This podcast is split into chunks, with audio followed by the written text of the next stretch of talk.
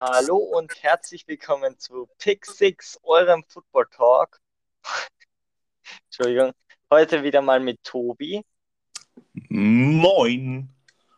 Und auch mal wieder mit Tobis verschollenem Bruder aka TJ. Moin Jungs.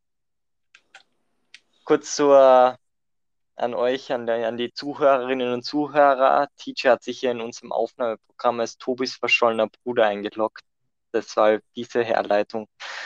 Aber Das egal, ich bin natürlich auch wieder am Start. Dominik, mein Name. Und heute reden wir über der AFC West. Tobi, fangt euch an. Chiefs. Waren Äh, letztes Jahr Platz 1. das habe ich, noch- das hab ich jetzt gerade erst realisiert. Ich dachte mir, was meinst du mit Tobis verschollener Bruder? Da geht natürlich wieder richtig witziger Joke von TJ. Natürlich war es kein witziger Joke. Genau, ich fange an. Ich habe den Erstplatzierten, die Kansas City Chiefs. Äh, die Erstplatzierten des letzten Jahres und maybe Erstplatzierte nächsten Jahr. Ich habe heute einen Post gesehen auf Instagram, dass Mahomes meinte, sein einzigster Rekord, den er brechen will in seiner Karriere, ist die perfekte Season mit 20 Siegen und dem Super Bowl eben. Ja, so, aber um was geht's denn? Wir reden jetzt ein bisschen, ja, über die Kansas City Chiefs. Was hat sich denn so am Kader getan? Sie hatten äh, wichtige Zugänge. Sie haben Joe Tuney geholt, Left Guard der Patriots. Sie haben äh, Jaron, Reed, äh, Interior Defensive Liner von den Seahawks geholt. Und es gab auch einen Trade, den wahrscheinlich die meisten mitbekommen haben. Und zwar gab es einen Trade zwischen den Ravens und den Chiefs. Dabei waren sehr viele Picks im Umlauf. Aber grob zusammengefasst haben die Ravens den ersten Runder der Chiefs gekriegt. Dafür die Chiefs den Second Rounder der Ravens und eben Orlando Brown, der bei den Chiefs wahrscheinlich direkt Starting Left Tackle sein wird und den Job bestimmt auch gut übernehmen würde. Warum haben sie denn äh, da so viel getradet? Sie haben überhaupt viel in der O-Line gemacht, weil sie an Abgängen zu verkraften haben. Unter anderem Eric Fischer, ihr 2013er First Overall Pick, ich glaube 2013 war es, war jetzt ewig, ewig lang ihr Starting Left Tackle, All-Pro, Pro Baller und auch ihren Right Tackle, Schwarz, Mikkel Schwarz, oder? Ich Maya der Mitchell. Mitchell, Mitchell Schwarz, auch jetzt schon lange Right Tackle gewesen. Sie sind beide ja ein bisschen um die 30 rum. Schwarz ist, glaube ich, 31 und eben beide auch verletzt gewesen. Deswegen haben die Kansas City Chiefs auch kläglich den Super Bowl gewonnen, weil Mahomes laufen musste wie Verloren. verloren, ja, natürlich. Sie haben den Super Bowl verloren. Ein sehr großer Grund war da vermutlich auch die O-Line, weil eben Schwarz und Fischer verletzt waren. Und sie haben beide eben verloren. Äh, Schwarz hat noch keinen neuen Verein gefunden. Da redet man auch schon ziemlich stark darüber, dass er wahrscheinlich seine Karriere beendet, da er eine schwere Rückenverletzung ist es, glaube ich, bei Schwarz ist. Eric Fischer haben ja vor drei Wochen die Colts gesigned für 9,4 Millionen. Und dann haben sie noch Sammy Watkins, äh, ihren, glaube ich, zweiten Rec zweiter Receiver müsste das sein. Der geht an die Ravens.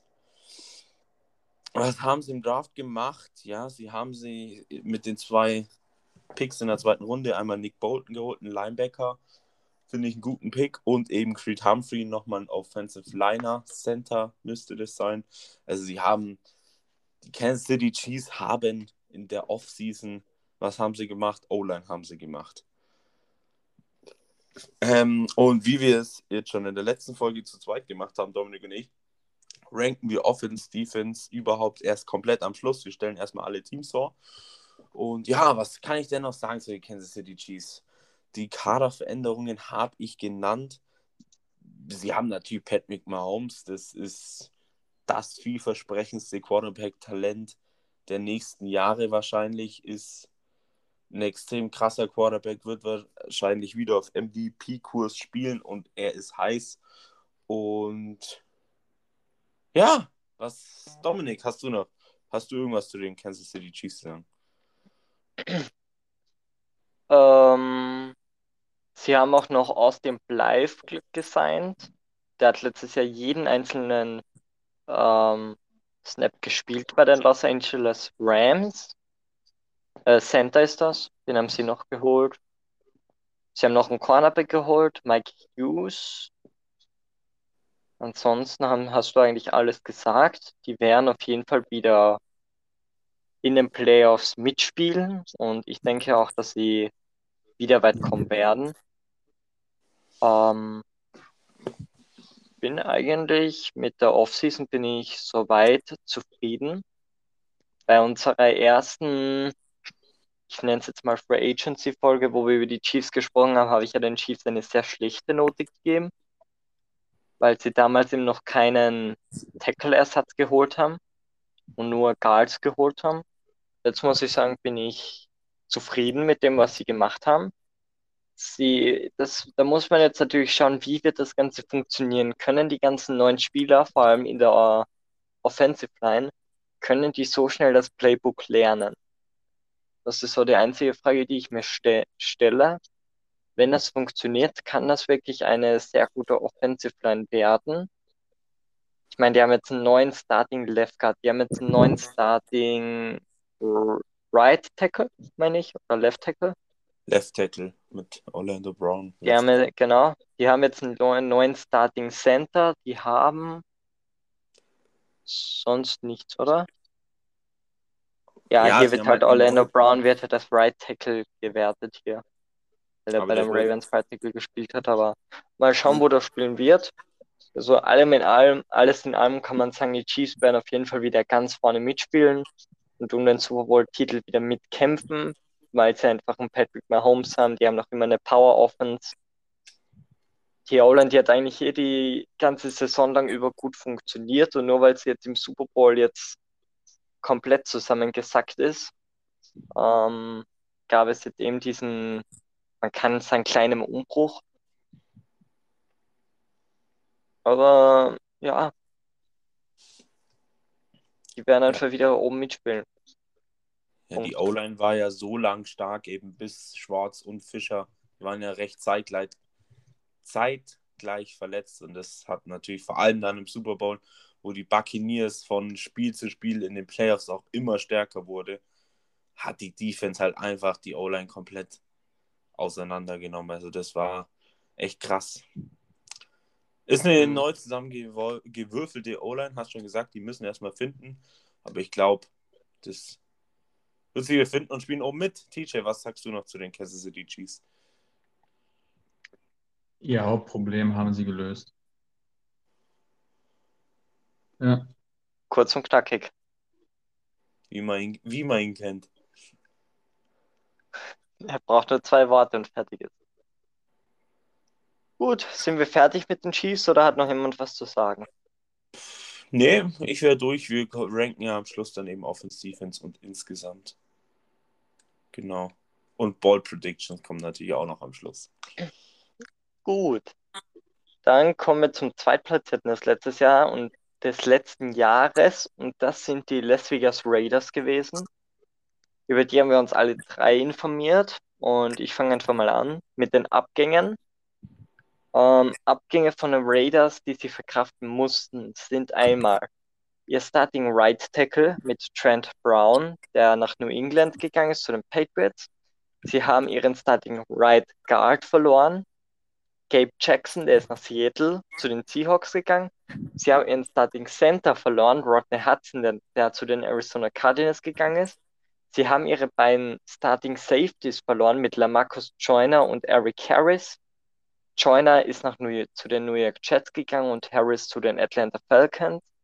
Nelson Aguilar ist Trent Brown, äh, Wide Receiver ist Trent Brown zu den Patriots gefolgt und Malik Collins, Interior Defensive Liner, ähm, ist nach Houston gegangen.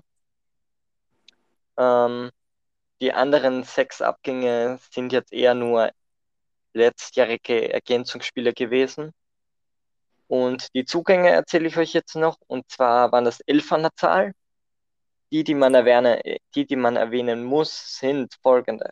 Carl Josephs, Safety von den Cleveland Browns. Ähm, Rasul Douglas, Cornerback der äh, Carolina Panthers, ähm, welcher letztes Jahr sehr viele Snaps gemacht hat. Dann Willie Snead, Wide Receiver von den Baltimore Ravens gekommen, von dem ich ja sehr viel halte. Solomon Thomas, ehemaliger, ich glaube, dritter Overall oder viert Overall Pick der San Francisco 49ers kommt, als Ersatz für Malik Collins ähm, von den San Francisco 49ers. Kenyon Drake, äh, der letztjährige Starting Running Back der Arizona Cardinals kommt. John Brown, John Brown, Wide Receiver von den Buffalo Bills, kommt als Nelson Aguilar-Ersatz. Und dann noch als Ersatz äh, für die Center-Position kommt noch Nick Martin von den Houston Texans. Und dann noch Casey Hayward, Cornerback von den Los Angeles Chargers und Yannick Ngakwe, Edge Rusher von den Baltimore Ravens. Sind jetzt viele Namen, aber das Problem ist einfach nur, das sind alles Namen, die sehr wahrscheinlich starten werden. So, TJ, wen, welche Spieler haben Sie denn re-signed? Ich bin von deiner Überleitung ein bisschen überrascht, aber sie hatten 16 Resigns und die wichtigsten waren unter anderem Marcus Mariota, Quarterback, einer der besten Backups, die man aktuell so haben kann. Jonathan Haskins, ein D-Liner, dann noch Colton äh, Miller, Left Tackle, Nicholas Morrow, ein Linebacker, Denzel Good, ein Left Guard, Nevin Lawson, Cornerback und den GOAT aller Quarterbacks, Nathan Peterman. Das ähm, dann abgeschlossen dann noch mit Daniel Carlson, dem Kicker. Das so, waren so die richtig wichtigsten Resigns und Tobi macht jetzt, glaube ich, den Draft. Genau, nachdem sie ihre gute und bestehende O-Line einfach mal komplett auseinander zerfetzt haben, ohne Grund, haben sie in der ersten Runde sich Alex Leatherwood geholt. War meiner Meinung nach der einer der schlechtesten Picks im ganzen Draft und auch einer der in der ersten Runde. Und also über, so, über den Draft-Pick genau haben wir schon geredet, aber nochmal kurz zum Erwähnen, war einfach viel bessere Offensive Tackles da und einfach komplett unnötig, einen Alex Leatherwood an 17 zu nehmen. Und dann haben sie ja, sie haben ihre zwei äh, Starting Safeties verloren und haben dann auch mit den größten Stil gleichzeitig geholt mit Merrick. Das war eigentlich so das größte Safety-Talent.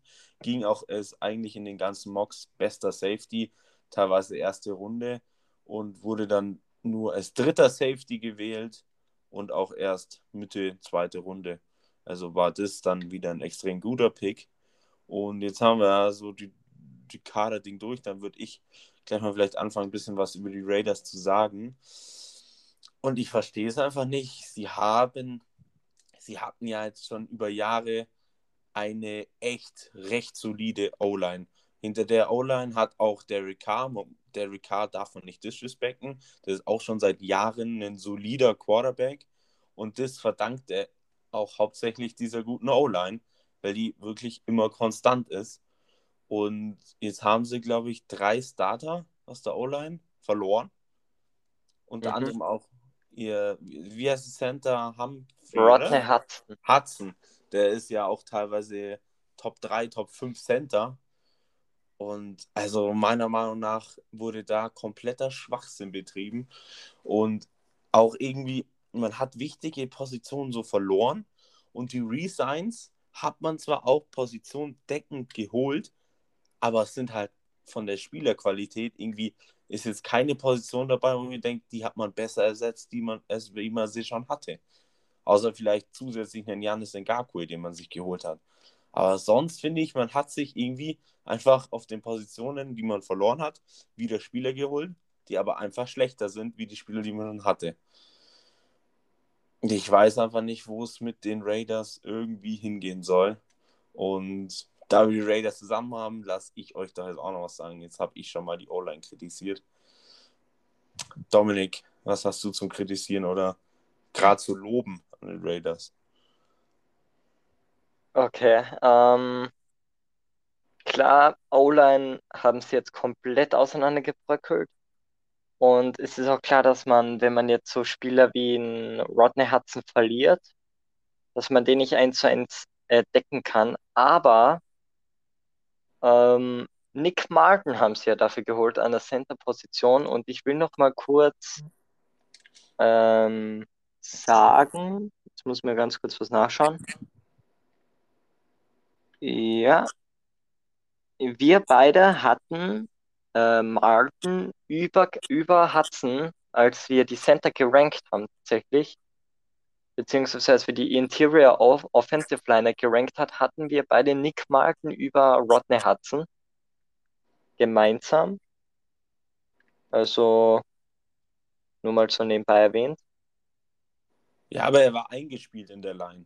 Das darf man halt auch nicht vergessen. Er war eingespielt, aber Nick Martin ist auch ein sehr, sehr guter Center und ein sehr souveräner Center. Also, es ist jetzt, ist jetzt zwar nur so ein kleiner Pluspunkt, aber ich muss sagen, sie, sie haben es versucht. Das, das war eher so eine erbärmliche Weise, jemanden zu loben. Ja, man hat es wenigstens versucht, aber besser kann ich es nicht äh, sagen. Also, Sie haben ihre beiden Starting Safeties verloren. Die haben sie zwar gut gedeckt mit Sharon Merrick und mit Carl Joseph. Sie haben äh, Nelson Aguilar mit John Brown und Willie Snead gedeckt. Sie haben Nick Martin, äh, nee, andersrum, sie haben Rodney Hudson mit Nick Martin gedeckt. Sie haben Malik Johnson mit Solomon Thomas ge gedeckt. Auch wenn man sagen muss, Solomon Thomas war zwar einmal ein dritt Overall oder viert Overall Pick aber der konnte nie wirklich in San Francisco, auch wenn ich ihn sehr, sehr gerne gemocht habe am College, hat er es nie geschafft, an seine Leistungen vom College anzuknüpfen. Und ich hoffe einfach, dass das jetzt in Las Vegas Klick macht bei ihm. Und dass er jetzt endlich ähm, Gas gibt und endlich mal zu diesem Top Defensive Liner wird, bei dem es, wo es in San Francisco nie gereicht hat. Ähm, sie haben ihre linke Seite noch in der O-Line, das muss man ihnen noch zugute halten. Und sie haben die Secondary verstärkt. Aber die O-Line, die macht mir jetzt ein bisschen Sorgen. Klar, an Alex Leatherwood haben sie jetzt auch noch geholt in der ersten Runde, das ist auch nicht schlecht. Aber bis die O-Line wieder eingespielt ist, bis Derek Carr hinter dieser O-Line funktionieren kann wieder, das wird ein, das wird ein bisschen dauern. Und ich kann mir vorstellen, dass wenn Derek Carr eingespielt ist, dass sie da aus dem Playoff-Rennen vielleicht schon draußen sein werden. Und das wird, denke ich mal, das Ziel sein der Raiders. Äh, beziehungsweise für Las Vegas, für die Stadt Las Vegas, wird das Ziel sein, in die Playoffs zu kommen. Und ich glaube, wenn die, wenn das Team eingespielt ist, dann wird das in diesem Jahr schon zu spät sein. Auch wenn sie eine junge, talentierte Offense haben, eine gute Defense haben, aber eine Defense allein reicht halt nicht, wenn die Offense keine Punkte macht. Dann bist du ja doch relativ hoch auf den Raiders. Ich, ähm, äh, das, zu meiner Bold Prediction kommen wir dann nachher, aber da habe ich dann auch eine dabei für die Raiders, die jetzt eher negativ ist. Ich habe schon so eine Vorahnung. Eine gute Sache gibt es in der ganzen Free Agent, äh, in der ganzen Offseason. Neffen Peterman. Raiders, nein, haben die Raiders eine Sache extrem geil gemacht. Und zwar gibt es in ihrem neuen Stadion hinter der Goal-Line so. einen Nachtclub jetzt einfach. Wie geil ist das denn? Es gibt einfach einen Club irgendwie mit vier DJs und fünf Bars oder so. Einfach hinter der Endzone im neuen Stadion. Das wird bestimmt geil, wenn da die Besoffenen im Club dann irgendwann anfangen, das Spielfeld zu stürmen. Das ist Las Vegas. Aber jetzt lassen wir DJ mal reden, weil der kommt ja heute gar nicht zu Wort. Ähm, ich beende dieses Team wieder mit zwei Worten. Halt's Maul, jetzt go. Spaß, nein.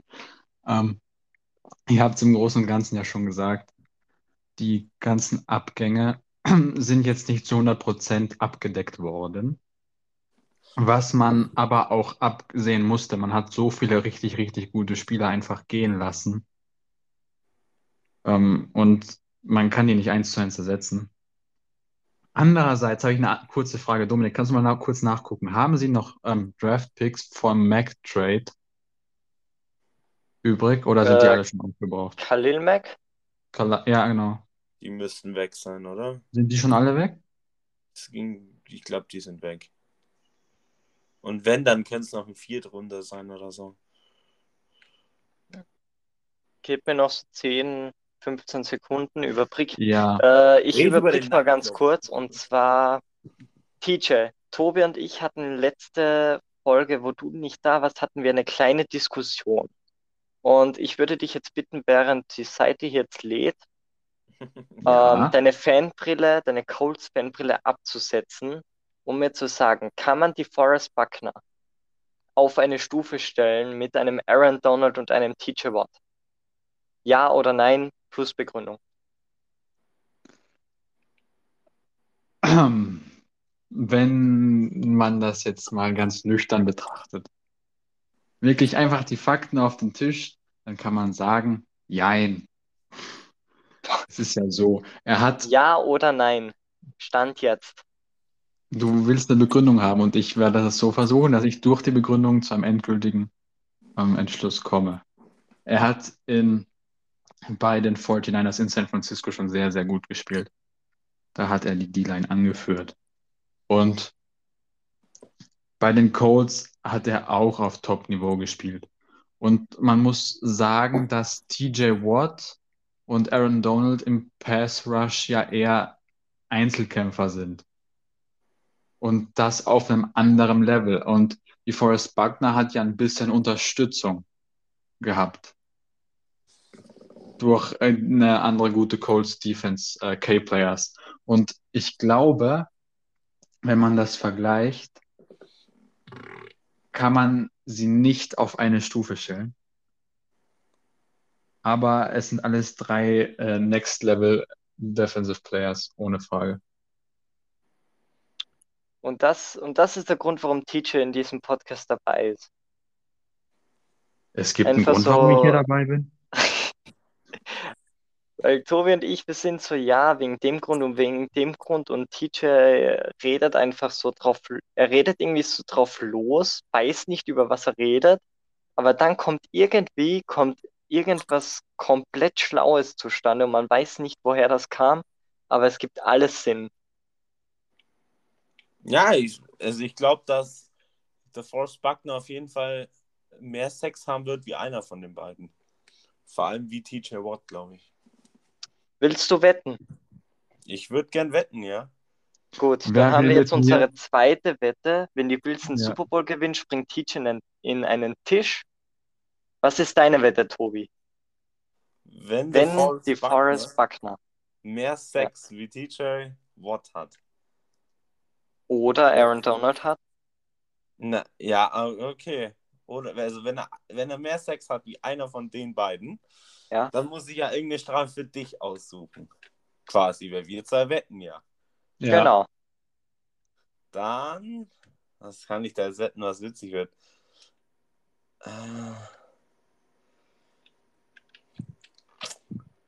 TJ, hilf mir. Ich meine, was könnte, was könnte Dominik mit dem besiegen? Also ich hätte hier schon ein paar coole Sachen. Was mit Marc zum Beispiel, aber ähm, das lassen wir Das lieber. muss, ich, ich muss ja auch was davon haben. Ähm, ähm, ähm, Dominik, sag in der Zwischenzeit mal, äh, ob die ähm, Bears Genau, den Raiders sagen. noch Picks Ähm, schulden oder nicht. Ja, genau, und dann überlege Es, ich auch. es ist leider, beziehungsweise muss man leider sagen, die Picks sind alle schon aufgebraucht, weil der Deal war folgendermaßen. Die Bears haben Khalil Mack, einen 2020er Second Rounder und 2020er Fifth Rounder bekommen. Und die Raiders haben dafür einen 2019er First and Sixth Rounder bekommen und einen 2020er First and Third Rounder bekommen. Also alle Picks sind schon aufgebraucht. Und Dankeschön. ich muss sagen, hat sich der, wer ist der Gewinner aus diesem Deal? Gibt es Weil da du mir noch mal einen? schnell die Spieler sagen könntest, die jetzt aus diesen Boah. Picks entschlüpft Ja, sind. das, ja, die Raiders können halt einfach nicht draften, deswegen sage ich mal die Bears. Wow. Äh, ich glaube, da waren Henry Rux war da, glaube ich, dabei mit dem Bears-Pick. Ähm, So, ja, kann ich Six drauf. Rounder, keine Ahnung, Third Runner auch nicht. 2019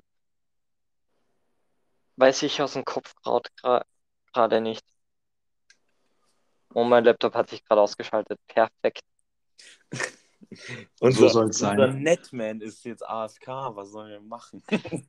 Ich bin der Icke von Pick Six. ja, das kann so sein. Ja. Dir fehlen nur die langen Haare und der, äh, Ber der Berliner Akzent, aber sonst Ey. alles gut.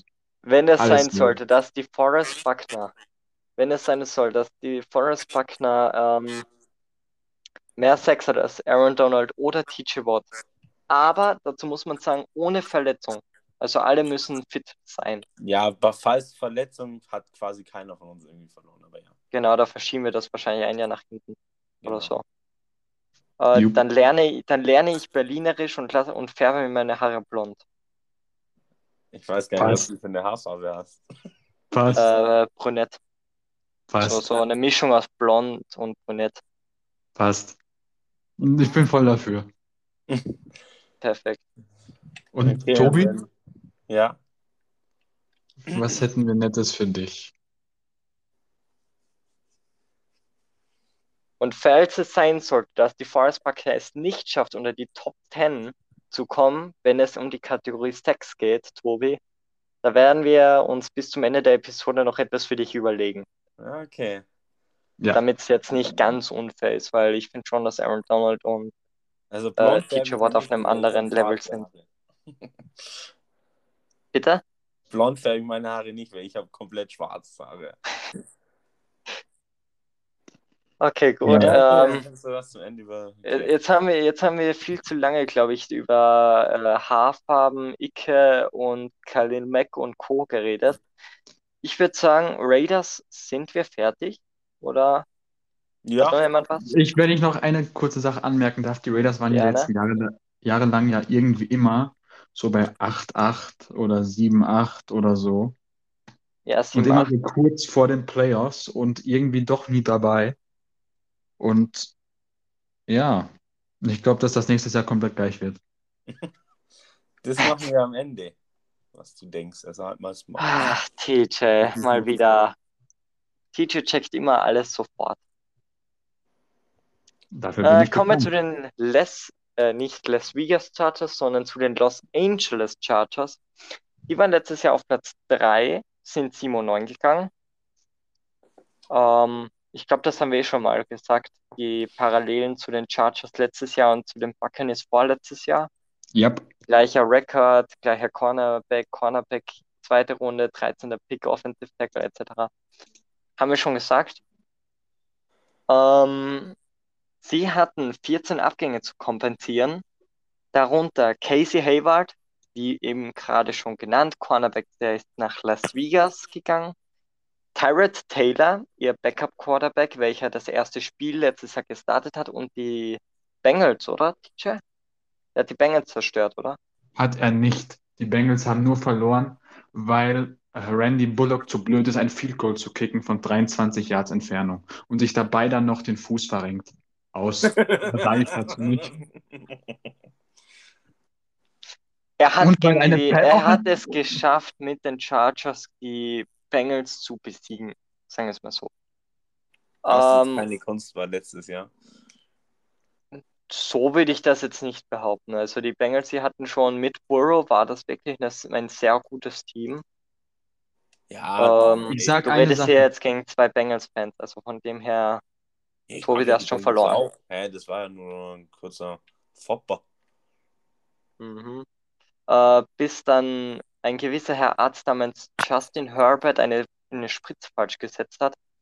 Danach hat Tyrell Taylor kein Spiel mehr gemacht und ist jetzt deshalb nach Houston zu den Texans gegangen.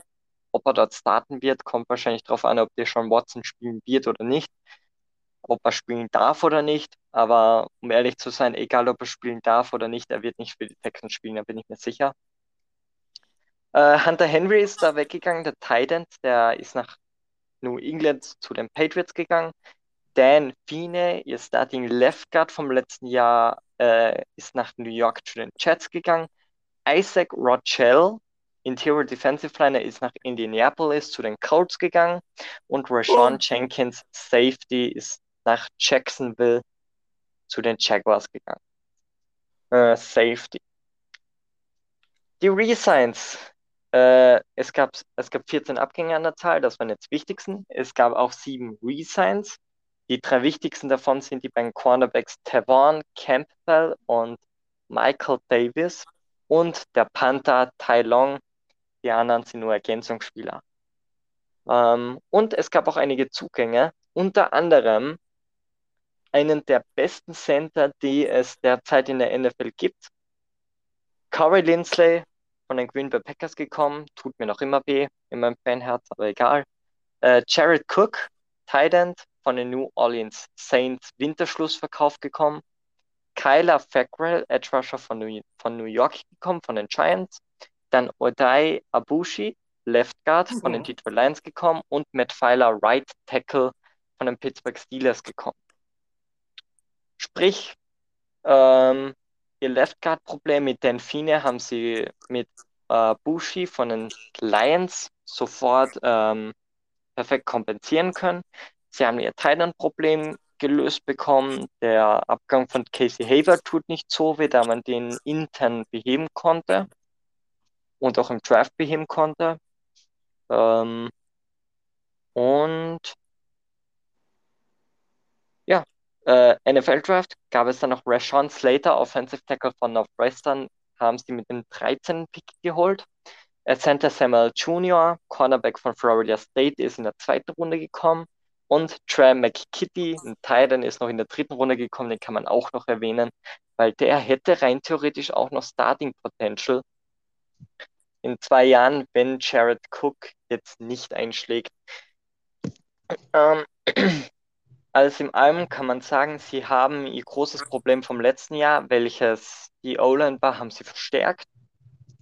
Man muss ehrlich sagen, die O-Line letztes Jahr von den Chargers war nett ausgedrückt nicht gerade ganz gut. Okay, das war jetzt schon sehr komisch ausgedrückt, die war halt echt scheiße. Ähm, sie haben jetzt einen neuen Right Tackle, sie haben einen neuen Left Guard, äh, sie haben einen neuen Center, sie haben neuen Left Tackle. Also abgesehen von der Right Guard Position haben sie, glaube ich, alles kompensieren können. Sie haben ja äh, Dings, wie heißt er denn noch? Ähm, helft mir, der Center vom letzten Jahr. Äh, wie hieß denn der nochmal? Äh, der Bruder von dem Steelers Center. Pouncy. Pansy, genau, der ist retired. Danke, DJ. Ähm, Marquise war von den Steelers, ne? Marquise Pansy. Ja. Das kann einer von den beiden währenddessen heraussuchen, während ich noch gefühlte 10 Minuten labern muss. Ähm, nee, nicht mal, ich bin eigentlich fertig. Tatsächlich. Also, die Abgänge tun nicht weh, sie haben es kompensieren können. Ihr größtes Problem haben sie geschafft zu beheben. Also, ich glaube, da kann was in der nächsten Saison gehen. Und ich predikte jetzt einfach mal ganz frech jetzt schon, es wird kein dritter Platz werden im, nächsten Jahr. So, TJ. Wird das was nächstes Jahr mit den Chargers werden, jetzt wo die O-Line auch funktioniert? Ich meine, Defense ist sehr gut. Sie haben mit Derwin James einen der besten Defensive-Spieler, die es in der NFL gibt. Sie haben eine junge, dynamische Defense, sie haben eine gute Offense, sie haben einen sehr starken Quarterback. Kann da was gehen in Richtung Playoffs für alle Chargers-Fans, falls es da draußen welche gibt? Lange Rede, kurzer Sinn. Wenn die Chargers so weitermachen, sind sie in den Playoffs drin. Wieso ist es jetzt so still? Ja, ich dachte eigentlich, du redest ein bisschen länger. Das war doch ein schöner Reim. Ähm, Chargers haben alles richtig gemacht, was man richtig machen konnte. Im Großen und Ganzen sehr viel verbessert, sehr effektiv und mit hochkarätigen Spielern verbessert und alle Schwachstellen ausgebügelt. Und ähm, nachdem wir Tobis Meinung gehört haben, würde ich dann gerne nochmal eine kurze Frage in den Raum werfen und bitte diskutiert ein bisschen. Danke. Musst du auf den Potter oder was? Nein, ich, ich möchte nur kurz ein bisschen Research betätigen, während äh, Tobi redet, damit ich ähm, meine So, Fakten. ja. Ja, Dann genau. rede ich jetzt einfach mal, einfach mal Schnauze halten. Ich, so, nachdem jeder irgendwie die Chargers so gut sieht, muss ich ja bekanntlicherweise irgendwo einen Dorn sehen. Und Danke. zwar, Muss ich es heute mal nicht machen. Ja genau, heute Sonst bin ich immer der miese Peter, der alles schlecht Genau. reden muss. Und zwar würde ich die Chargers gehen, gehen sehr hohes Risiko, meiner Meinung nach, indem sie nur mit Herbert in die Dings gehen, in die Season. Sie haben Taylor nicht geresigned. Wer ist denn da als der Backup-Quarterback? Äh, der Weiß ich Backup nicht. Quarterback ist jetzt Chase Daniel. Haben sie von Chicago oder von Detroit gesigned und Easton Stick. Ein junger Quarterback ist die Nummer 3. Ja. Chase Und Daniel ist übrigens der Spieler mit dem teuersten Arm. Also jeder Passversuch äh, von dem ist der teuerste Passversuch, den es in der NFL gibt. Also jeder von ihm, Wurf von ihm kostet im Durchschnitt am meisten Geld. Okay. Und zwar habe ich dann einen netten Vergleich gesehen, äh, dass viele Quarterbacks, äh, man muss ja sagen, Herbert, du hast ja schon gesagt, die O-Line war letztes Jahr nicht so gut. Und Herbert war, vor allem was gegen Pressure angeht, eben letztes Jahr, extrem, extrem strong. Und er hat ja dann, wenn es sein soll, nächstes Jahr nicht mehr so den Pressure. Und ich kann mir vorstellen, dass du, wenn du nur mit Herbert reingehst, es war seine Rookie-Season, er wurde reingeschmissen und es hat funktioniert für die letzte Saison.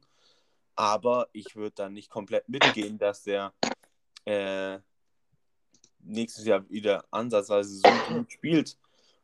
Und ich, ich, da ich den Chargers noch eine Bold Prediction habe, sage ich jetzt einfach mal kurz was. Ich denke, dass Herbert nicht unter den Top 18 Quarterbacks landen wird nächste Season.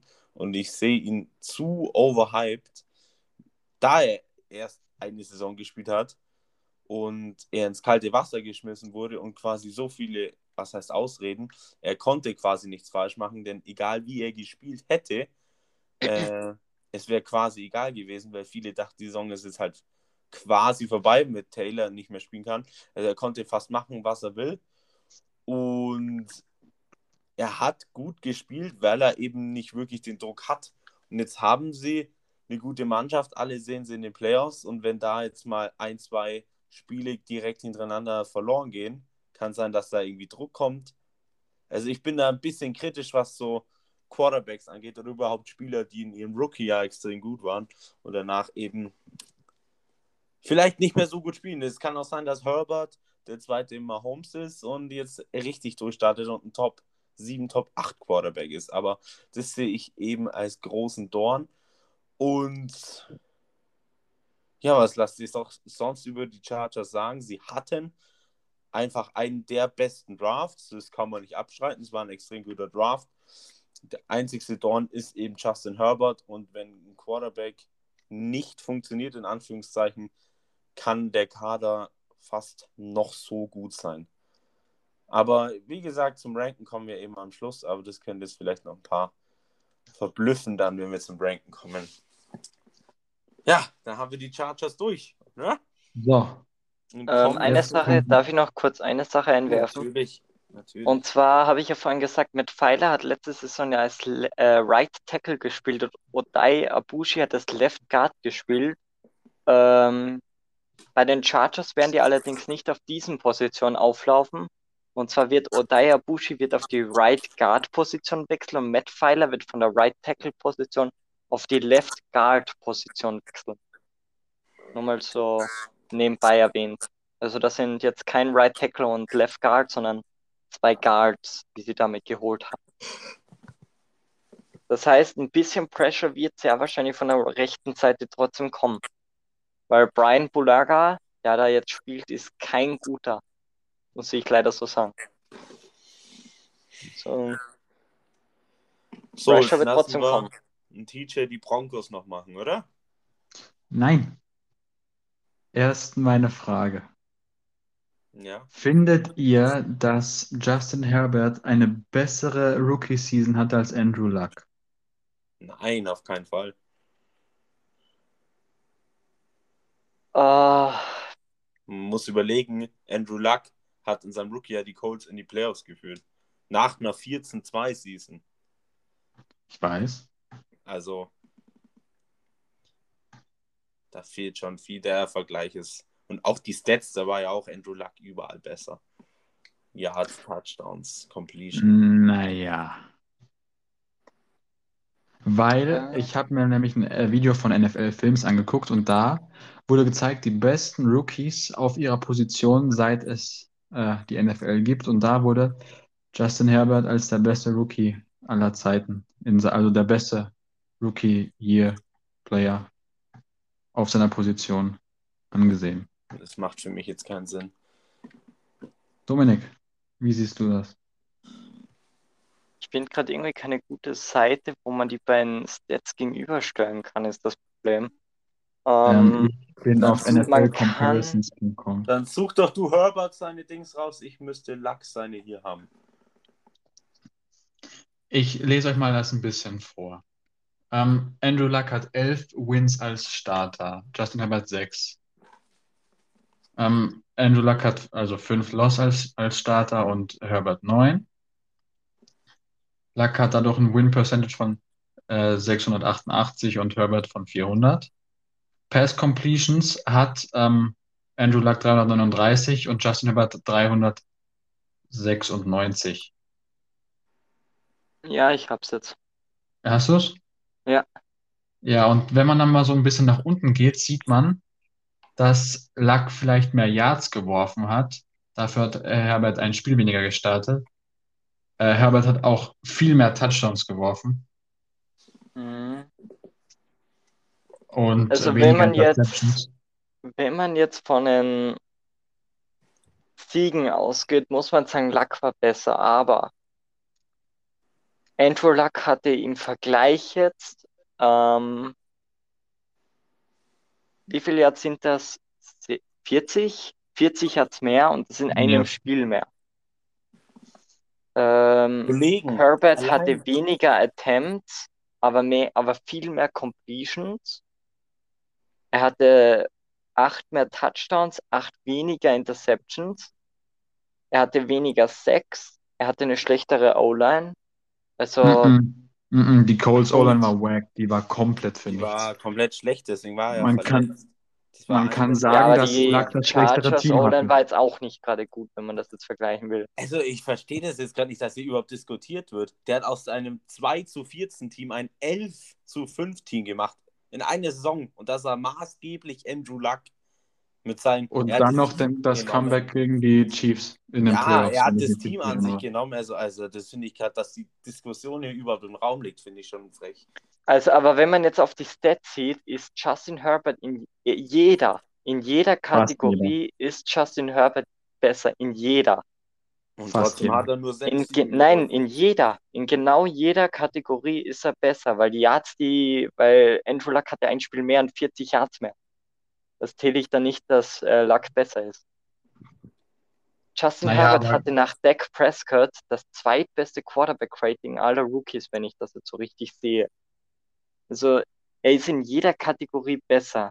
Ja, ist, na nee, Robert Griffin, RG3 hatte auch noch ein besseres Quarterback-Rating und Russell Wilson auch noch, okay. Ja, er hatte das viertbeste Quarterback-Rating aller Rookies jemals. Und er hatte extrem starke Stats. Und ich finde einfach, Justin Herbert war von der Rookie-Saison besser als Andrew Luck. Es ist mir Das zwar klar, dass so- äh, vor allem Tobi mit der Fanbrille sehen wird. Nein, das Aber- ist keine Fanbrille. Das wäre wie wenn jetzt die Jacksonville Jaguars nächste Season elf Siege haben. Genau so wäre das. Die Jacksonville Jaguars nächste Season elf Siege. Da ist Hm. aber dann die Frage, wer startet dann? Da kann Tyrod Taylor starten, da kann Deshaun Watson starten, da kann Cal Mond starten, Die da Jacksonville kann rein Jaguars. theoretisch auch, Die äh, hilf mir kurz, wie heißt der von den Bengals? Ryan Findlay? Yep. Ryan Der Findlay kann starten, also da gibt es einige. Der wurde schon gecuttet von den Houston Texans. Und? Ja. können. Also, allein die Relation, der hat das Team an sich genommen und der war direkt ein Leader. Du kannst mir nicht sagen, dass Herbert genauso ein Leader war. Herbert hat auch das Team schon geleitet. Ja, und zu sechs Siegen. Und dritter Platz in der Trotzdem. Division. Dritter Platz ist besser als letzter, muss man sagen. Also Ja, er hat das Team schon. Es hat nicht für die Playoffs gereicht, aber du kannst jetzt kein, äh, du kannst jetzt keinen Spieler nur auf die Playoffs ähm, definieren. Julian Edelman, be like. Okay, wenn man Julian Edelman nur auf die Playoffs betrachtet, dann ist er MVP. Nee, nicht MVP, äh, Hall of Famer. Einigen wir uns Aber- darauf, dass Andrew Luck der bessere äh, Leader war und die, das Team zu einem besseren Gesamterfolg geführt hat und dass Herbert einfach der äh, Alleine Star- besser war. ja, Er hat, er Ja, alleine seine Leistungen waren besser. Aber Ja. das komplette Team hat Andrew Luck besser gemacht. Ja, und aus dem Grund würde ich, glaube ich, würde sich jeder Quarterback für Andrew Luck entscheiden. Ja. Weil es um das Team geht und nicht um die Einzelnen. Ist, ist es meine Meinung, das wird auch Tobis Meinung sein. Dominik sieht das ein bisschen anders und deshalb machen wir weiter mit den Broncos. Aber es, es ist jetzt nicht alleine Andrew Lucks Leistung, dass das Team jetzt elf Siege gemacht hat. Ihr könnt mir nicht sagen, dass es nur Andrew Luck war, der das Wenn Team in die das Playoffs. Der wird auch- Siege hatte. Der wird aber auch viel Hilfe gehabt vor allem auch von der Defense, weil ihr könnt mir nicht erzählen, ihr könnt mir nicht erzählen, dass Andrew Luck alleine das Team zu elf Siegen geführt hat. Das könnt ihr mir nicht Nein, erzählen. eben nicht. Der Aber wird Hilfe gehabt haben, Team sehr viel. Hilfe. Um das, um Dominik, du kannst ja. mir, Tobi, lass mich kurz. Du kannst mir aber nicht erzählen, dass eine 2-14 Defense nächstes Jahr nur, nur fünf, äh, sich fünfmal besiegen lässt. Klar, es ist klar, aber Justin Herbert, habt ihr eigentlich Chargers-Spiele letztes Jahr geschaut? Ja. Habt ihr gesehen, was Justin Herbert da gemacht hat? Wenn man Justin Herbert spielen sieht, ich habe Andrew Luck Spiele auch gesehen von 2012 und da fand ich ihn auch gut, aber ich muss sagen, Justin Herbert ist für mich der beste Rookie aller Zeiten, weil einfach er hat es geschafft, in jedem Spiel, außer vielleicht von zwei, hat er sich nur mit einem Score schlagen lassen. Stell dir mal vor, er hätte in jedem Spiel, in jedem Spiel hätte, keine Ahnung, Eckler ein, ein Rushing-Touchdown mehr gemacht, dann wäre das eine 14-2-Season auch gewonnen. Dann wären wir, dann wären wir beim gleichen Punkt. Also Andrew Luck hatte wahrscheinlich, nicht nur wahrscheinlich, Andrew Luck hatte jetzt auf jeden Fall nicht jedes Spiel, wo er gewonnen hat, 40-0 oder so gewonnen. Er wird auch viele knappe Spiele gehabt haben. Und ich finde einfach, da gehört auch ein bisschen Glück dazu und das hatte Andrew Luck wahrscheinlich. Luck. die, die, die Anspielung, die hat jetzt keiner verstanden. Ja, Doch, ich habe gerade Luck gesagt. Ein. Teamleader. Er ist ein Teamleader, aber ein Teamleader alleine reicht nicht. Aber ganz kurz, ganz kurz, wenn du mehr knappe Spiele gewonnen hast, bedeutet das, du hast mehr Game-Winning Drives gemacht. Und was entscheidet zum Schluss? Die Game-Winning Drives. Und was macht den besten Spieler aus? Die Game-Winning Drives. Aber es heißt nicht, dass man, wenn man jetzt ein knappes Spiel Wenn gewinnt, du dein ganzes Team pusht, wenn du dein Team in der Hand hast. ich, ich sehe schon, das führt zu nichts, glaube ich. Also ich glaube, wir kommen immer zum selben Zweig zurück, oder? Ich fordere eine Instagram-Umfrage. Ja, mach das. Die werden wir machen. Kommt am Morgen, morgen Vormittag. Mhm. Okay, aber jetzt machen wir dann doch wirklich weiter mit den Broncos. Und in der nächsten Episode reden wir dann, was da war. Und mein Laptop hat sie wieder ausgeschaltet. Perfekt. Das macht nichts, Dominik. Kommen wir zu den Broncos. Peyton Manning. okay. Reicht mit den Colts Quarterbacks. Ja, Peyton Manning, der wurde in die Hall of Fame aufgenommen dieses Jahr. ja? Ja. Verdient. Yep. Und zwar hat sich die ganze Crew, glaube ich, die haben sich nur sieben Sekunden oder beraten, ob er in die Hall of Fame kommt. ja, wahrscheinlich. Ich glaube, oder waren es 63 Sekunden? Irgendwas, irgendeine komische äh, Zahl. Auf jeden Fall. Ja. Das Denver könnte bei einem Spieler noch, noch kürzer dauern. Ich Ja, glaube, das von Brady, Brady. da hocken die sich nicht mal zusammen. Und Adam Vinatieri glaube ich auch nicht. Wenn wir schon bei Coles Legenden sind, dann. Ja, komm, Tom Brady, mal. Colts-Legende. Tom Brady war eine richtige Colts-Legende. Ich sag nur Deflategate. Never mind. So, die Denver Broncos und ihre Quarterbacks. Was lässt sich dazu sagen? Drew Lock, der ist auf jeden Fall noch im Team und der wird starten. Aber man hat auch Teddy Bridgewater geholt. Ja. Ähm, bin ich gerade komplett lost oder habe ich hier eine falsche Liste? Warum? Nein, weil hier irgendwie ähm, hier steht, dass AJ Bouye von den Panthers zu den Broncos ist. Dabei ist es ja genau umgekehrt. Ja, ist andersrum. Ja, gut. Ja, Kyle Fuller ist gekommen dafür. Ja, Kyle Fuller ist von den Bears zu den Broncos. Dann muss ich das jetzt immer umdrehen. Ähm, Ist egal, das schaffst du. wie mache ich das jetzt am besten? TJ Das überfordert. dreh, dreh einfach die Teams um. Ja, ähm, unter anderem haben wir äh, Justin Simmons ist resigned worden, Kareem Jackson ist resigned worden. Das waren zwei sehr ordentliche Spieler. Dann haben sie unter anderem noch den Cornerback Ronald Darby geholt von den Washington, äh, vom Washington Football Team. Und ähm,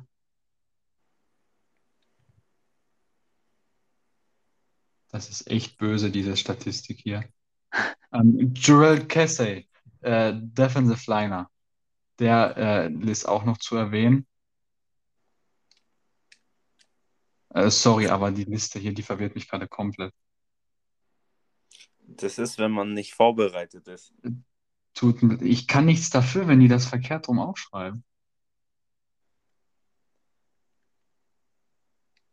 Doch, schlechte Recherche. Soll ich weitermachen oder? Ja, das wäre ganz nett. Okay, ich fange ich fang einfach von vorne wieder an.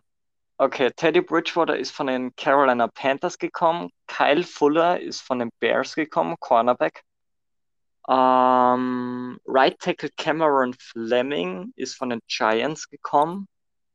Ronan Darby ist vom Washington Football Team gekommen. Und gibt es sonst noch jemanden, den man erwähnen muss? Nein.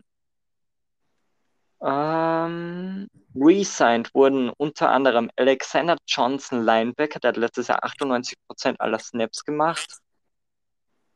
Äh, Tim Patrick, Wide Receiver. Der hat letztes Jahr 69% aller Snaps gemacht. Shelby Harris, Interior Defensive Liner. Und dann noch die beiden Safeties, Kareem Jackson und Justin Simmons, die hast du schon erwähnt, TJ. Mhm. Und weggegangen sind. Okay, das ist wirklich falsch herum. Stimmt, das ist wirklich falsch herum sortiert. Nee, nee, ist es nicht. Okay. Äh, Bouye, Cornerback, ist zu den Panthers gegangen. Also die Broncos und die Panthers haben einfach nur Taylor Bridgewater mit Bouye getauscht. Ähm, Elijah Wilkinson, äh, Right Tackle, ist zu den Bears gegangen. Und gibt es sonst noch jemanden, der viele Äh, Jeremiah gemacht hat? Oder? Edge Rusher. Jeremiah Attachu von den Broncos zu den Bears. Genau, den kann man auch noch erwähnen. Und Philip Lindsay, Running Back, ist ebenfalls weggegangen. Zu den Texans. Houston Texans. Ja. Das sind alle Picks. Jetzt auch zum Draft, TJ. Hast du den? Den habe ich. Ähm, Patrick Surtain, den zweiten, haben sie geholt. Sehr gut. Dann noch, was auch noch zu erwähnen ist, Ähm. Javonte Williams, Running Back, in der zweiten Runde. Ähm, Quinn Meinerz, Offensive Guard, Baron Browning, Linebacker, Saden Stearns, Safety, Jamal Johnson, Safety, Seth Williams, Wide Receiver, Kerry Vincent, Cornerback, Jonathan Cooper, Linebacker und Marquise Spencer, Defensive End. Im Großen und Ganzen sehr solider Draft. Und sie haben natürlich ein paar Abgänge hier kassiert. Aber sie haben auch ähm, mit Teddy Bridgewater, finde ich, einen guten ähm, Quarterback geholt, der Lock auf jeden Fall Konkurrenz machen wird. Aber die Broncos sind sowieso so ein bisschen ähm, immer noch in diesem Gespräch oder Gerücht um Aaron Rodgers dabei. Das finde ich ist aktuell ein bisschen schwierig zu sehen, weil das mit Aaron Rodgers, man weiß jetzt nicht zu 100 Prozent, ob das wirklich nur ein Gerücht ist, aber man ist sich ziemlich sicher, dass es nur ein Gerücht ist. Aber in manchen Listen tauchen dann die Broncos noch auf, aber das haben wir eh schon mal erwähnt, dass sie äh, plötzlich Super Bowl Contender sind oder potenzielle Contender sind oder Wetten werden auf sie abgeschlossen, dass sie den Super Bowl gewinnen. Dass nur auf diesem potenziellen Trade, wo nichts fix ist und der sehr unwahrscheinlich ist. Und ich finde, um ehrlich zu sein, dass nur ein Rodgers die das gesamte Broncos-Team jetzt nicht zum Super Bowl-Contender machen kann. Aber die Defense ist sehr, sehr gut. Die Defense ist ein Powerhouse. Also auf die können sich die Broncos sehr verlassen. Und wenn die Offense in Gang kommt, dann sehe ich da eigentlich ein sehr, sehr spannendes Rennen in der AFC West. Jo. Was sagt ihr zu den Denver Broncos? Ähm, Dominik, genau, fang du mal an. genau, ähm, ob Rodgers die Broncos zu einem Super Bowl-Contender machen kann, meine ehrliche Meinung, niemals. Sie sind kein schlechtes Team, das muss man sagen. Sie haben einen Quarterback-Kampf jetzt offen mit Drew Lock und Teddy, äh, Teddy B, von dem ich weiterhin sehr viel halte, obwohl Tobi mich dafür noch immer hasst Ich und er glaubt, dass der aus. gar nichts kann. Ich lach dich mal aus. Ähm. Ich halte zu dir. Sie haben einen guten Running Back mit Melvin Gordon. Das ist ein guter Running Back. Es ist kein sehr guter Running Back. Es ist kein schlechter Starter, aber es ist ein guter Starter. Die Wide Receiver machen mir da aber, ja, ja. Ähm, Cortland Sutton und Jerry Judy sind zwei junge äh, Wide Receiver, aber man muss sagen, das sind beide keine Nummer 1 Receiver.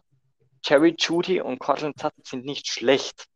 Das auf gar keinen Fall. Aber wenn man bedenkt, dass sie vor zwei Jahren zum Beispiel noch einen Emmanuel Sanders im, im Verein hatten.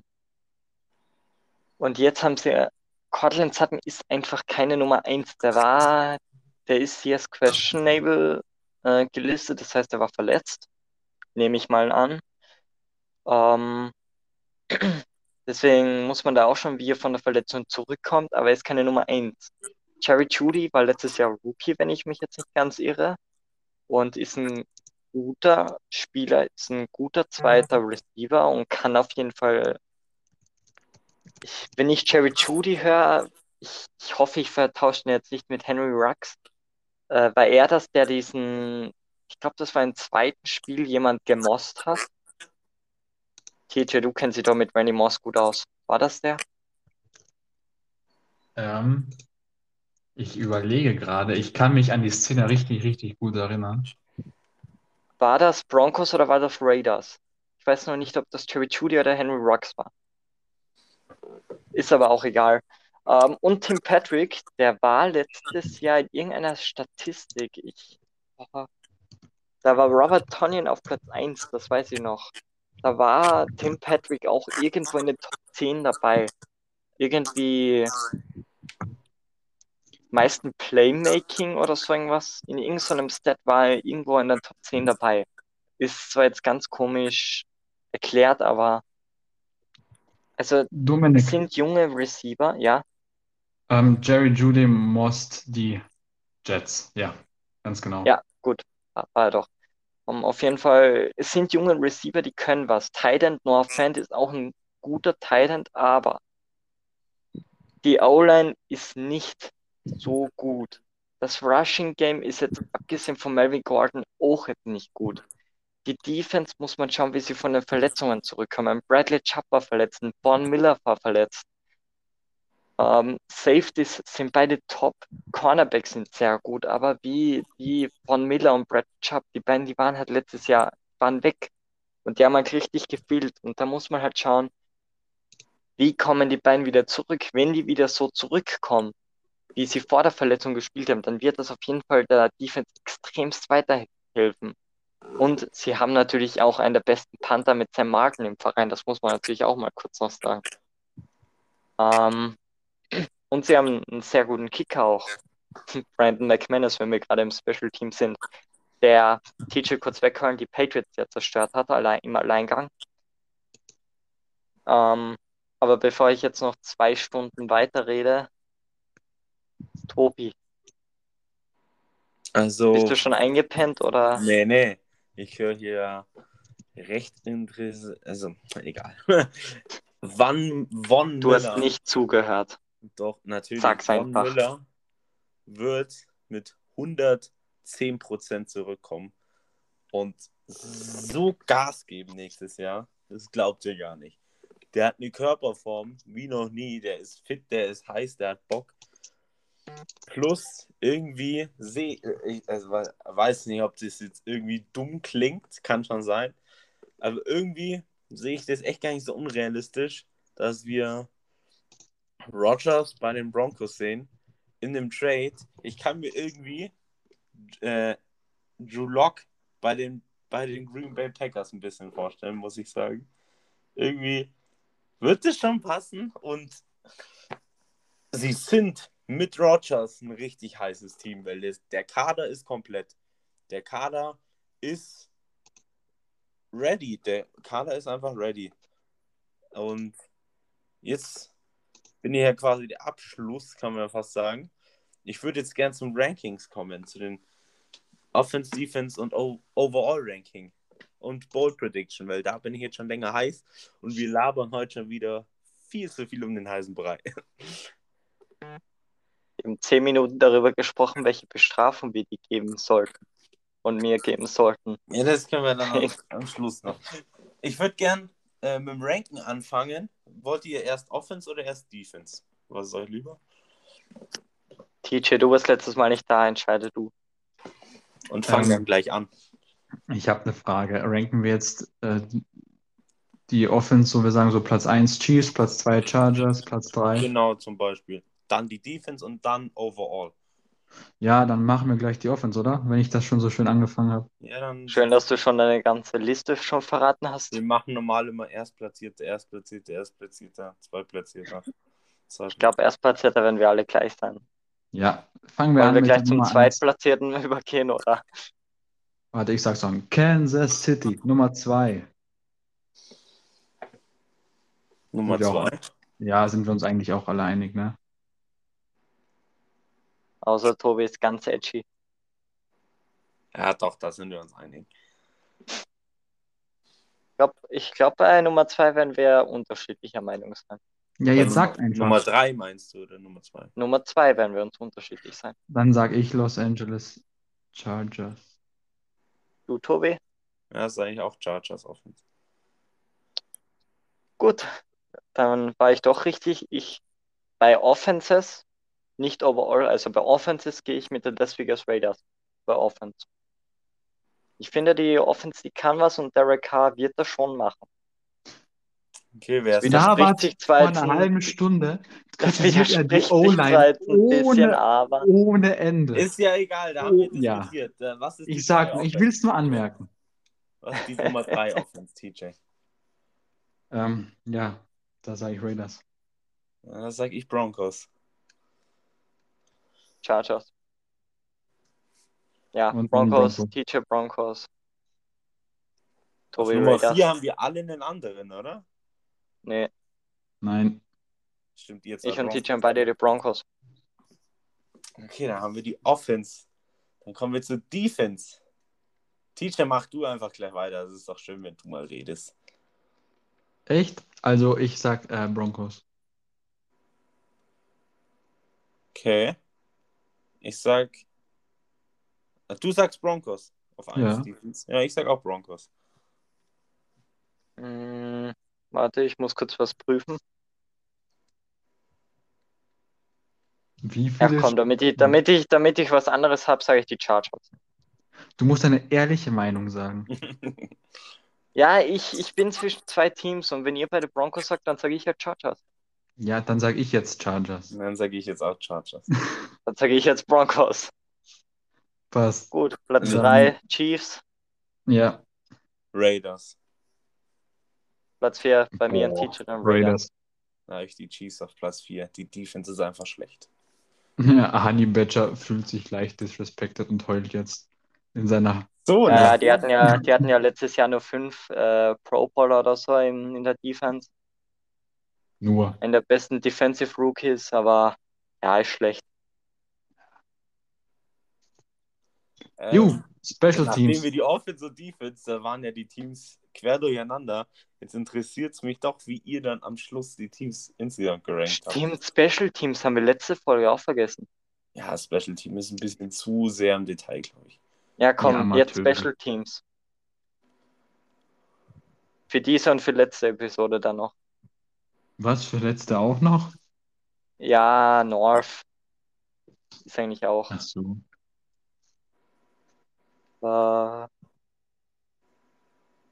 Ja, ich glaube, Special Teams können wir weglassen. Das ist, glaube ich, nicht so wichtig. nee, das lassen wir drin.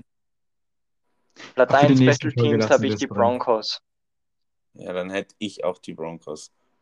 Einen krassen Dann gehe ich mit den beiden Experten hier mit und sage, dass die Chiefs doch eindeutig das bessere Special Team haben. Ähm, Platz 2 gehe ich einfach nur aus Sympathie für meinen Kumpel Dominik Eberle mit den Raiders. Ja, Nummer 2 gehe ich auch mit den Raiders. Da sage ich nicht nein und gehe mit den Broncos. Platz 3 dann Chiefs und Platz 4 Chargers. Ja, ich habe es andersrum. Chargers 3, Chiefs 4. Broncos 3, Chargers 4. So, und jetzt noch für die letzte Episode noch die North. Haben wir letztes Mal vergessen. Einfach nur um Tobi Ah, das vermischt, das vermischt zu sehr, oder? Glaube ich auch. Nee, das machen wir jetzt noch dazu. Das geht sich aus. Das haben wir jetzt vergessen. Komm, das mischt sich, glaube ich, sehr. das stimmt. Wir wollen jetzt Alles das Endranking hören. Wir wollen jetzt das Endranking hören. Genau. Das, das, das, das. Ich glaube, da werden ein paar Überraschungen dabei sein. Komm, Platz 1 wird bei uns allen komplett gleich sein. Ganz eindeutig die Broncos. Hä?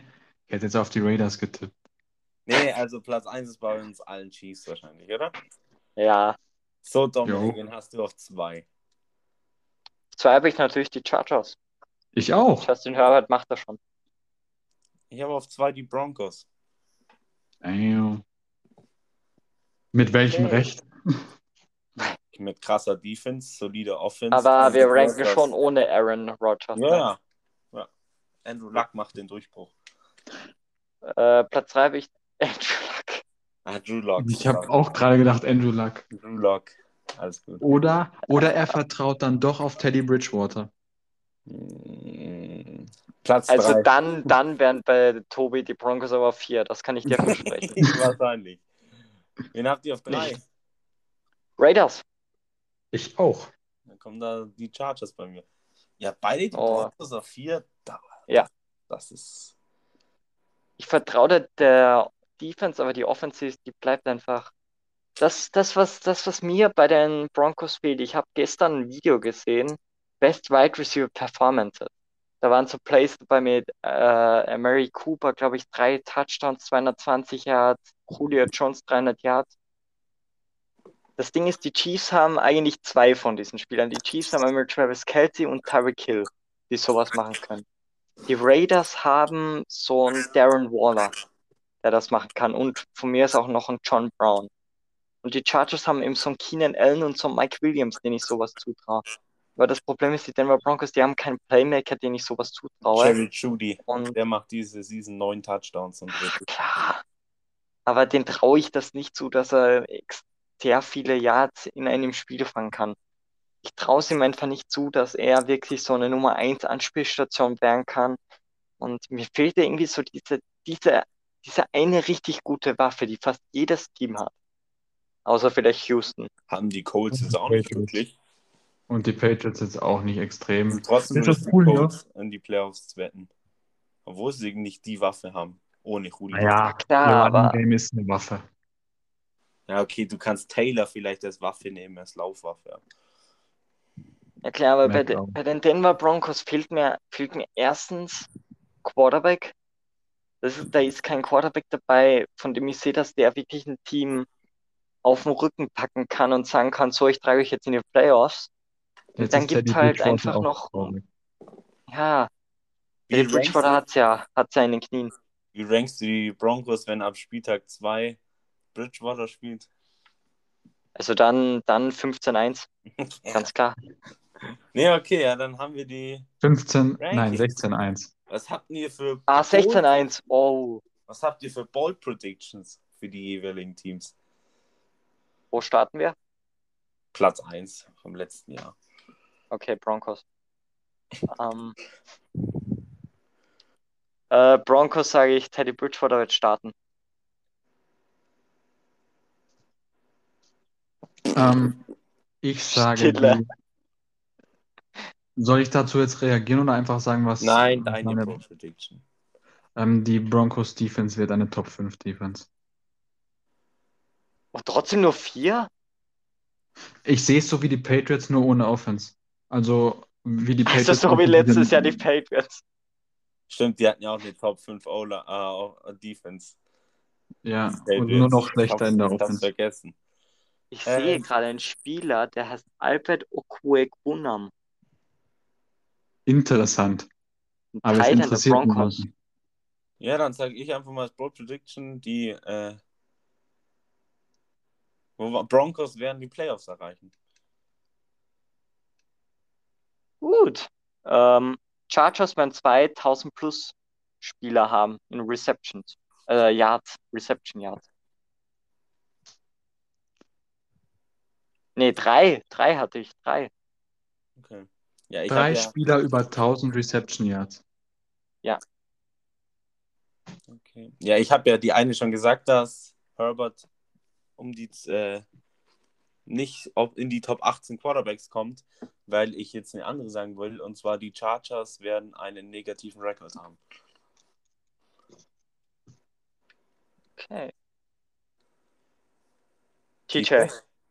Meine Prediction ist, dass Justin Herbert ähm, inkonstant spielen wird. Sehr inkonstant. Ich wollte eigentlich, wenn die Taylor behalten hätten, hätte ich gesagt, dass Herbert gebencht wird in der Season, aber sonst so sage ich das jetzt nicht. So, Raiders, TJ. Ähm, Carr wird gebencht und Mariota startet ab Woche 11. Dann sage ich, die Raiders werden ähnlich wie die Falcons letztes Jahr überraschend schlecht spielen und in der in nächstes Jahr im Draft in den Top 5 picken.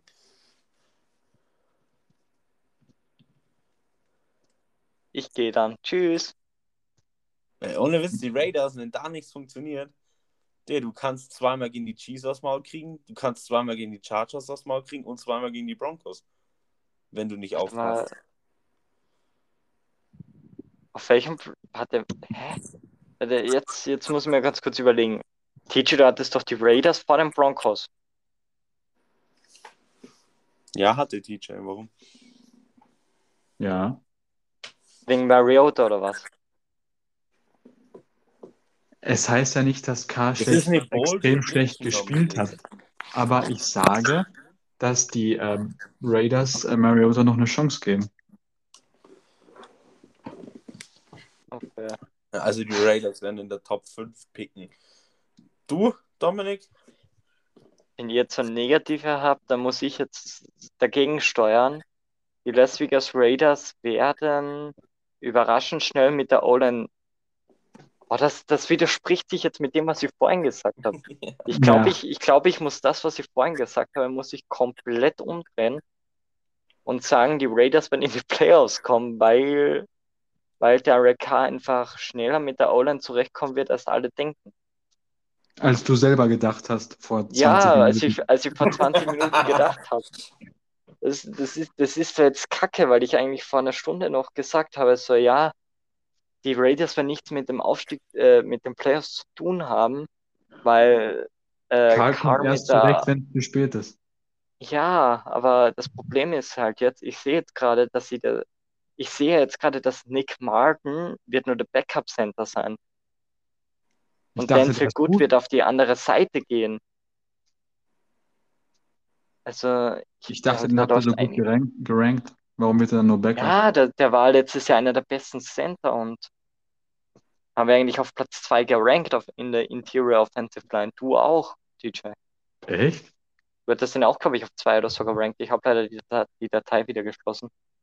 Aber nichts. Also, nächste Bold Prediction für die Chiefs. Kansas Ja. City. Machst du gleich? Soll ich gleich Mhm. machen? Ja, mach du. Äh, die Kansas City Chiefs werden die Wildcard-Runde spielen müssen und werden dort direkt rausfliegen gegen den Seed Nummer 6.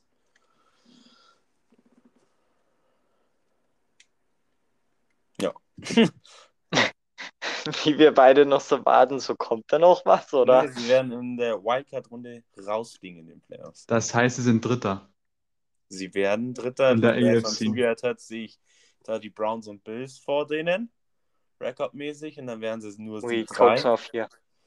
Ui, Die Colts kriegen Seed 4, ja. Und auf Seed 5 werden äh, die Ravens kommen. Und die Ravens werden den Chiefs den Arsch versäumen in der Wildcard Round. Das ist meine Bold Prediction.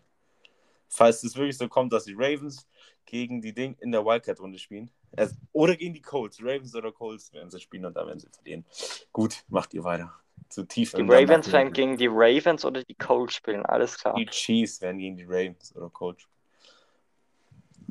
Ja, wenn die Macht- Chiefs aber gegen die Colts spielen, dann werden die Colts doch niemals die Division gewinnen. Aber du hast ja gerade gesagt, die Ravens spielen gegen die Colts. Stimmt, das wird dann. Wie sollen dann bitte die Chiefs gegen die Ravens oder die Colts spielen, wenn die Ravens gegen die Colts spielen? Ne, Egal. Die Ravens gegen die Chiefs. Wenn die Ravens Zweiter in der Division werden, weil ich die Browns vor ihnen sehe und dann aber trotzdem Seed 5 haben. Und die Kansas City Chiefs haben den dritten Seed. Ja, aber Seed 5 spielt doch gegen Seed 4. Seed 3 spielt es gegen Seed sieben 6. Seeds, ja. Okay, ja, Ja. okay, das war ein Fehler. Sie werden trotzdem Guten Morgen, Tobi. Sie werden trotzdem in der Wildcard rausfliegen. Komm, Wir haben. Ist doch jetzt egal. Ja. macht ihr weiter. Dominik. Ähm, äh, Joe Fune wird nicht einen Sack zulassen. Auf Mhm. Nelson angelehnt. Nee, auf Fune nur angelehnt. angelehnt. Nur angelehnt. So, dann sage ich, die Chiefs werden vier Spiele knapp verlieren. also sagst du 13-4 Rekord. Sie können auch einen Blowout kassieren, die können auch nur 8, 8, 8, 9 gehen oder so. Okay, er geht komplett. Wie viel Fanherz ist da dabei, TJ? Eher Ich Fan. sage, Fan- ich habe nur gesagt, sie werden vier Spiele knapp verlieren. Ja, okay, okay. Ja, das Okay. war's mit dem Bull Prediction und überhaupt mit der ganzen Episode. Jetzt kommen wir noch zum äh, schlechtesten Teil in den ganzen Folgen. Der Weil Teil, wo ähm, ein gewisser Tobi wieder fünfte Folge oder so ein. Stimmt, das habe ich mir nicht aufgemacht. Ich glaube, vier hintereinander habe ich jetzt. So. TJ, du kannst schon mal ankündigen, was kommt jetzt? Ein Quiz, das Tobi nicht gefallen wird.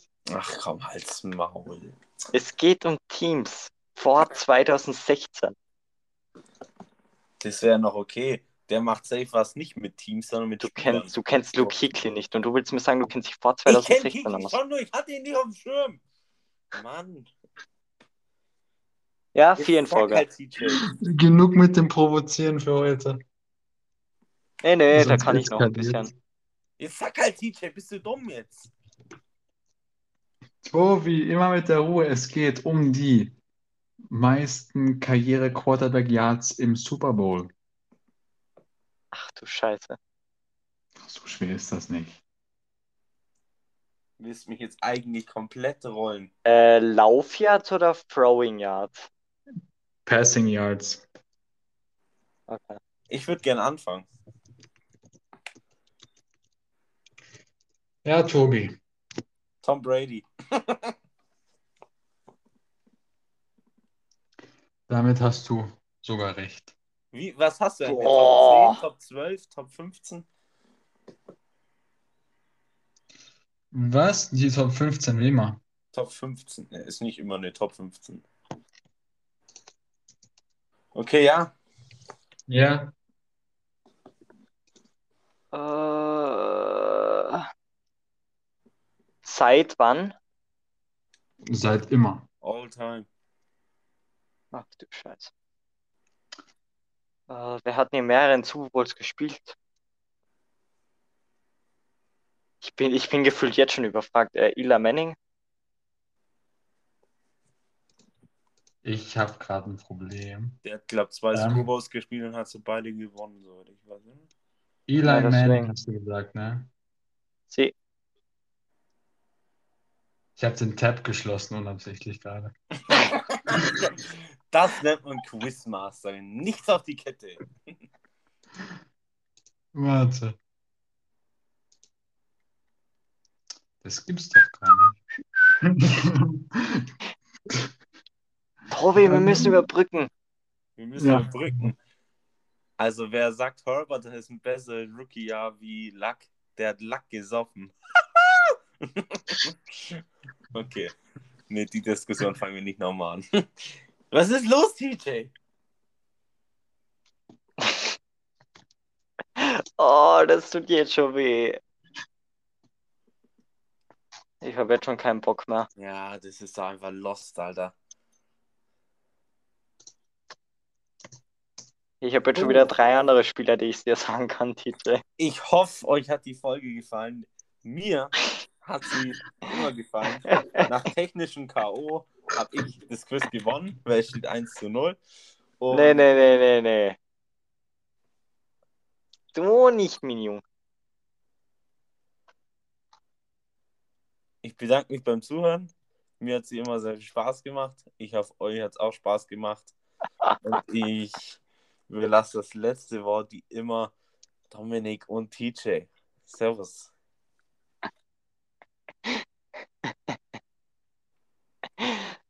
TJ, wird das heute noch was oder? Ihr müsst was sagen. Abschied. Ich habe die, ich hab die 10, die Top 10 gefunden. Ist es jetzt Top 10 oder Top 15? Top 10 habe ich. Ich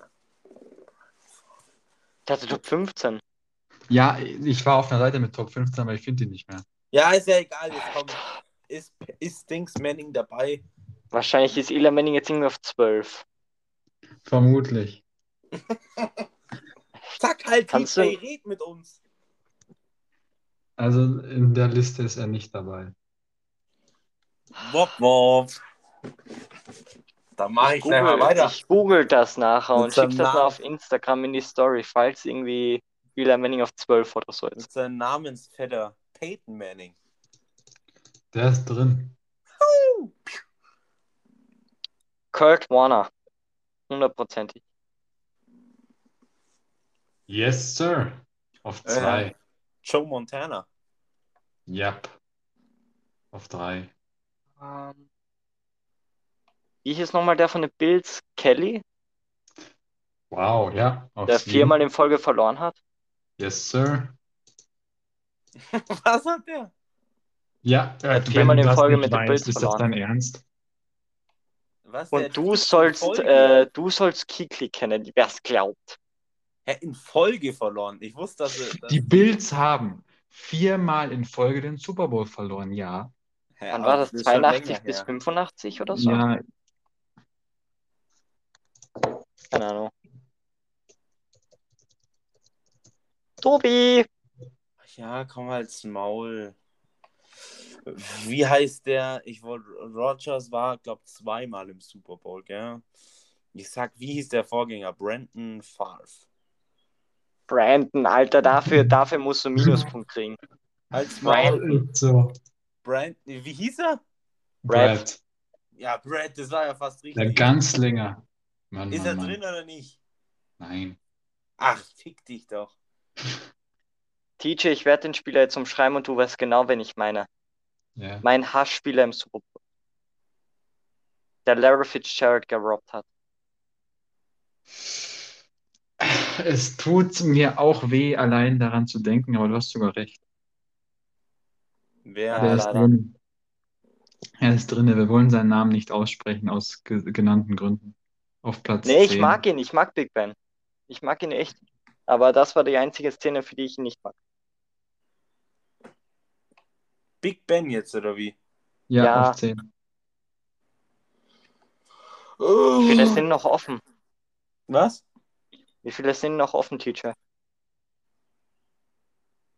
Drei noch. Und Drei davon noch. kennt ihr Spielt er- einen zu 100 Prozent. Einen kennt ihr zu einer 100 noch? Prozent. Nein. Aber einen kennt ihr zu 100 Prozent. Ihr kennt Drew seine Brees. Stimme.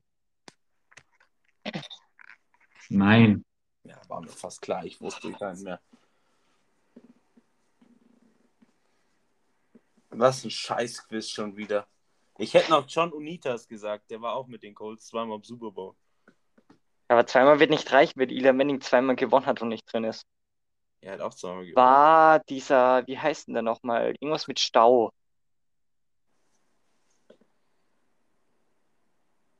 Ah, ja.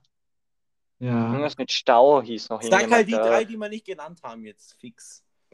der war, glaube ich, Ja. auch drei oder viermal im Super Bowl. Roger Sch- Staubach, den meintest du? Ja, genau. Troy Aikman, den kennen wir alle von Fox. Nö, Ja. Aber auf den wäre ich nicht gekommen. niemals. Und wer noch? Oder John Elway, habt ihr den schon den habt ihr nicht gesagt, ne? Ja, Den Broncos Quarterback. haben wir doch schon gesagt, oder? Echt? Ich Habt nicht. ihr nicht gesagt? Ich nicht. Ja, jetzt komm, wir nehmen seit eineinhalb Stunden auf. Die drehen Ja, schon wieder am doch. Rad. Die drehen doch wieder am Rad. Was wie Hurensöhne so lange reden. Tobi, du sagst es. Also, wie immer hat mir die. Folge bis aufs Quiz wieder immer richtig viel Spaß gemacht. Ich hoffe, euch hat es auch Spaß gemacht. Ich hoffe, ihr denkt nicht, dass wir komplette Grütze geredet haben. Ich hoffe, Teacher Haben Dominik hat es auch Spaß gemacht. Und geht bitte auf unser Social Media ab. Stimmt für Andrew Luck, der aus einem 4, 2 zu 14 Team ein 11 zu 5 Team gemacht hat und in die Playoffs geführt hat. Ja, ähm, ja, ich überlasse das letzte Wort wie immer den anderen zwei und Servus. Ja, auch mir hat es wieder sehr viel Spaß gemacht. Das mit dem Quiz tut mir sehr, sehr leid. Das war ein Fehler von mir. Wird nicht mehr vorkommen. Es hat Spaß gemacht, mit euch zu Wer diskutieren. es glaubt. Ähm, es hat mir Spaß gemacht, Tobis äh, unnötige Kommentare zu überhören. Und vor allem bedanke ich mich und äh, wünsche euch viel Spaß beim Anhören. Bis zum nächsten Mal. Äh, auch ich bedanke mich nochmal fürs Zuhören. Wir hoffen natürlich alle, euch hat das Ganze gefallen. Ähm, Entschuldigung, falls ich gerade nicht so gut rede. Ähm, jetzt habe ich vergessen, was ich sagen wollte. Äh, falls ihr Ideen habt oder Vorschläge habt, über was wir mal reden können, wir haben jetzt noch für ein paar Folgen was geplant und danach haben wir ja, wollen wir ja so einzelne Folgen machen, sowas wie bei retired Spielerinnen etc. Falls ihr dort irgendwelche Ideen habt, könnt ihr uns das jederzeit auf unserer Instagram-Seite zukommen lassen. Unterstrich der Football Talk. Madden Talk. Ähm, ja, von mir aus. Hm. Ähm, jetzt bin ich wieder ganz rausgekommen. Hab noch einen angenehmen Tag, einen angenehmen Abend, angenehmen Weg zur Schule oder zur Arbeit oder was auch immer oder wann auch immer ihr das hört. Äh, nächste Folge reden wir dann über die AFC South. Dort kommt dann in dort werden einmal Tobi und TJ mehr über die Colts reden. Und da habt ihr endlich mal Ruhe von meiner Stimme. Mm. Und ja, danke fürs Zuschauen und bis Donnerstag. Ja, Donnerstag.